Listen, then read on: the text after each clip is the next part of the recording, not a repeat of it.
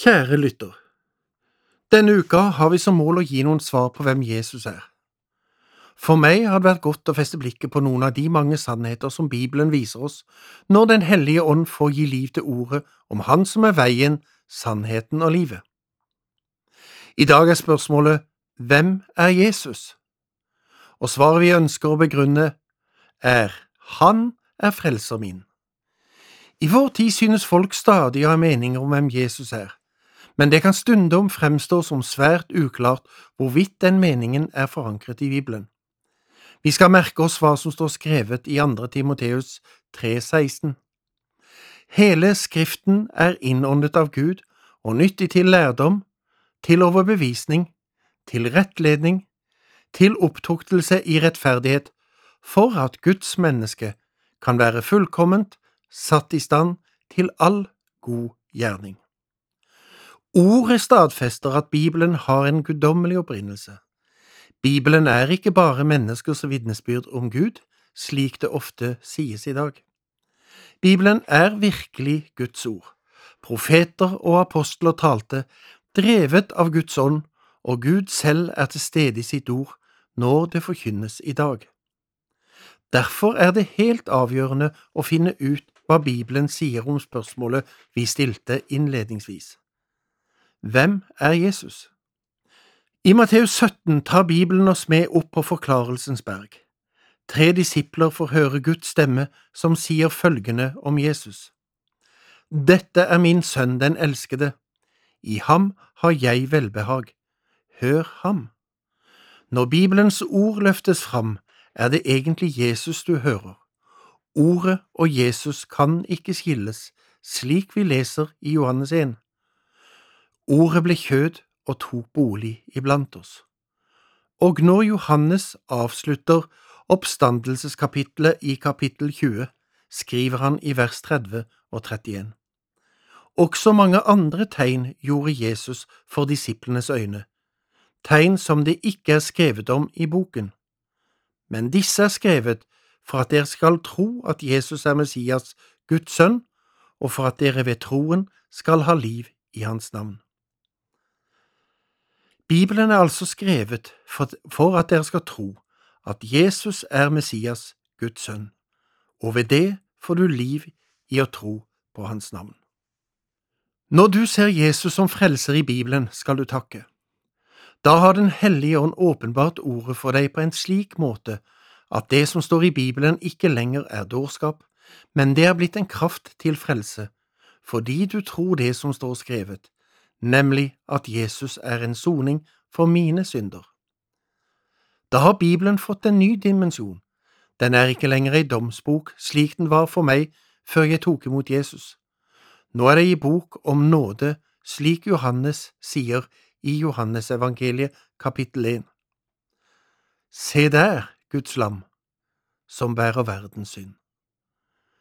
Så sa jeg innledningsvis at Bibelen er Jesus, og Jesus er Bibelen.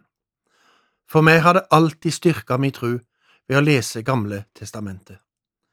Der finner vi flotte og rike bilder på Jesus. Tenk bare på andre Mosebok, da israelsfolket skulle føres ut av Egypten. Reisen startet med at Gud beordret at det skulle slaktes et lam, og blodet av lammet ble strøket på dørstolpene. Når dødsengelen så blodet, gikk han forbi. Derfor skriver også Paulus i første Korinterne 5,7. Vårt påskelam er jo slaktet, Kristus. Vil du bli frelst, vil du til himmelen, er Jesus og hans Golgataverk starten på reisen. Hvem er Jesus? Det er han som i Matteus 11, 28 sier, Kom til meg, alle dere som strever og har tungt å bære, så vil jeg gi dere hvile. Det er han som i lignelsen om den bortkomne sønnen i Lukas 15 er faren som står og speider etter sønnen som reiste fra hjemmet og tok med seg hele arven. Vi kunne møtt en far full av bitterhet og sinne over sønnens valg. I stedet møter vi en far som speider etter sønnen, og når han ser han, får han inderlig medynk med det synet som møter han. Kanskje ser han sår og merker etter levd liv. Men far løper sønnen i møte, tar han imot med glede og møter han med nye klær og fest. Kjære tilhører, dette er nåde, og slik er Jesus. Fars kjærlighet var større enn sønnens fall og nederlag. Bibelen beskriver det slik, der hvor synden er stor, er nåden enda større. Ulike livssituasjoner kan oppstå, livet kan gi sår og hendelser som vi ikke kunne forutse. Trøsten for den bortkomne sønnen var at det skjedde noe viktig da han var på bunnen av livet sitt. Bibelen sier det slik om situasjonen sønnen var kommet i, i Lukas 15, vers 16 og 17. Ingen gav ham noe. Da kom han til seg selv. Det ble redningen for sønnen. Det er tider i livet da vi får innse at de gleder verden gir, ikke fyller livet med det Jesus har å gi. At ingen gav sønnen noe, førte til at han ville hjem til far. Det skal du òg få lov til i dag. Gå Jesus i møte, han som ser deg om du er langt borte eller om du er tungt å bære. Han møter deg ikke bare med et håndtrykk, men han har inderlig medynk med deg. Kanskje har du et og annet å fortelle Jesus slik sønnen hadde. Far, jeg har syndet. Da får du erfare at Jesu nåde er nok, for den fullendes i vår skrøpelighet. Du får i sannhet erfare hvem Jesus er. Han er frelser min. Kjære Jesus, takk for at du er frelseren min. Amen. Over en åpen bibel var i dag ved Ragnar Ringvold, og serien produseres av Norea Mediemisjon. Du kan høre disse andaktene igjen, og mange andre, på vår nettside norea.no.